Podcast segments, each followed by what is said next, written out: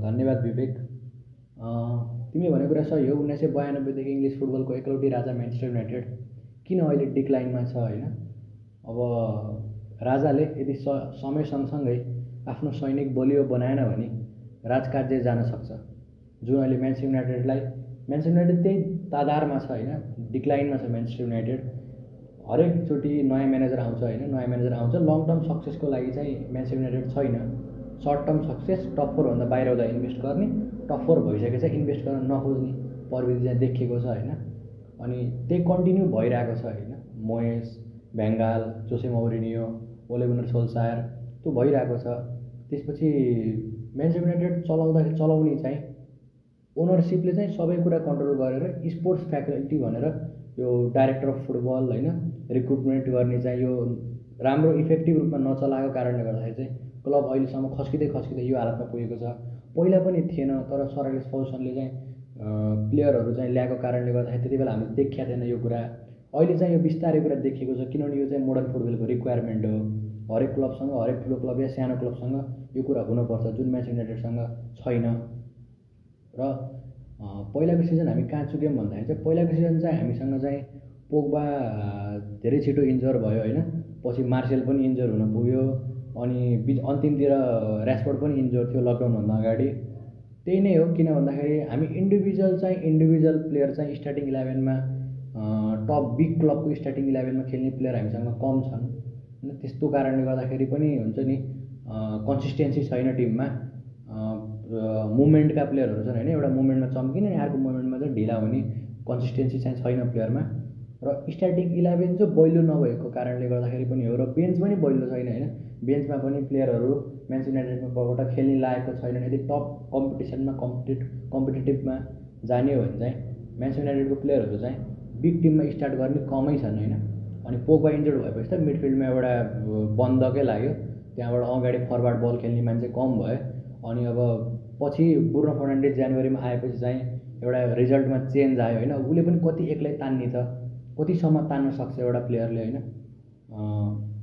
र जहाँसम्म भ्यान्डेबिकको कुरा छ भ्यान्डेबिक म्यान्चेस्टर युनाइटेडको म ओलिगुनर सोलसारले खेलाउने फोटो थ्री वान फर्मेसनमा ब्याकअप प्लेयर हो। किन भन्दाखेरि चाहिँ त्यो पोजिसनमा बुर्नो फर्नान्डेज खेल्छ। अब यो season Ole Gunnar Solskjaer four three थ्रीमा गयो भने चाहिँ भम भन्न सक्दिनँ होइन? तर मलाई लाग्छ म्याट्रिक चाहिन्छ किन भने चाहिँ डिफेन्सको अगाडि एउटा प्लेयर चाहिँ पाल पास रिसिभिङ एन्डमा म्याट्रिक चाहिँ प्रिमियर लिगकै इराको one of the best defensive midfielder हो होइन? चाहिन्छ त्यो प्लेयर चाहिन्छ ऊ चाहिँ टाइटल पनि जितेको छ चेल्सीबाट प्रिमियर लिग पनि जितेको छ। उसलाई रिप्लेस गर्ने रिप्लेसमेन्ट खोज्नु पर्नु पनि आवश्यक छ किनभने अब ऊ अब एज भइसकेको छ होइन? अब दुई दुई सिजन होला टप टप टप टप टिममा होइन? त्यहाँबाट उसलाई पनि रिप्लेस गर्नुपर्ने देखिन्छ।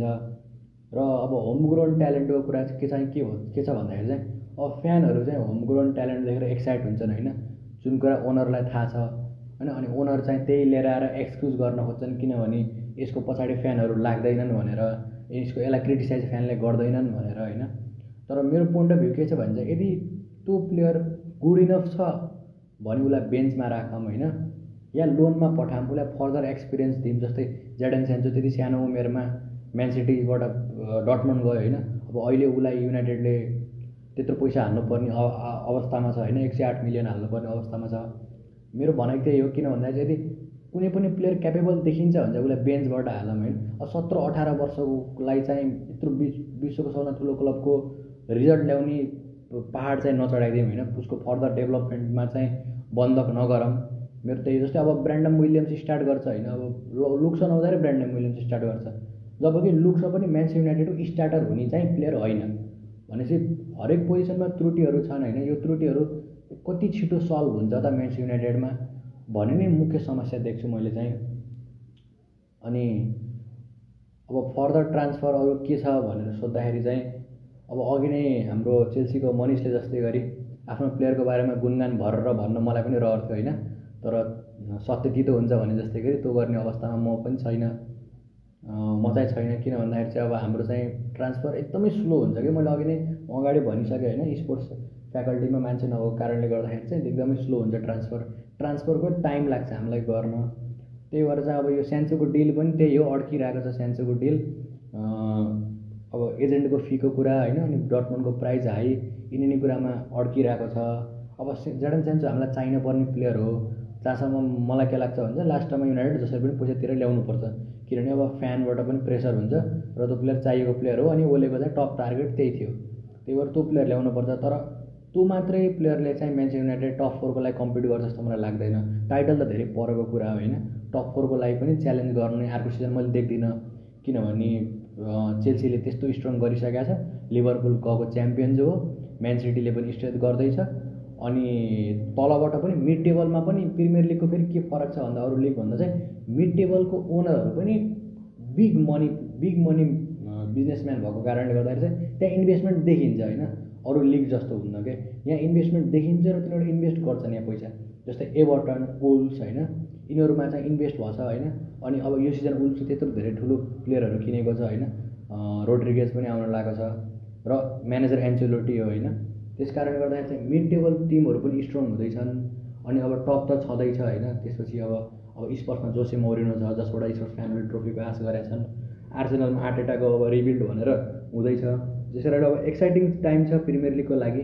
अब म्यान्चेस्टर युनाइटेड चाहिँ यो जुन यो पेस क्याचअप गरेर लिभरपुल सिटीको लेभलमा पुग्नुपर्छ। किनभने चेल्सीमा धेरै प्लेयर नयाँ आएको छन् अब हेरौँ के हुन्छ होइन?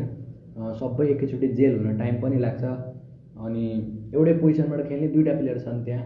त्यही भएर अब हेरौँ अब के हुन्छ अब कति टाइम लाग्छ। होपफुली छिटै टाइटल जित्ने टिम चाहिँ म्यान्चेस्टर युनाइटेडको बन्छ होला जस्तो मलाई लाग्छ।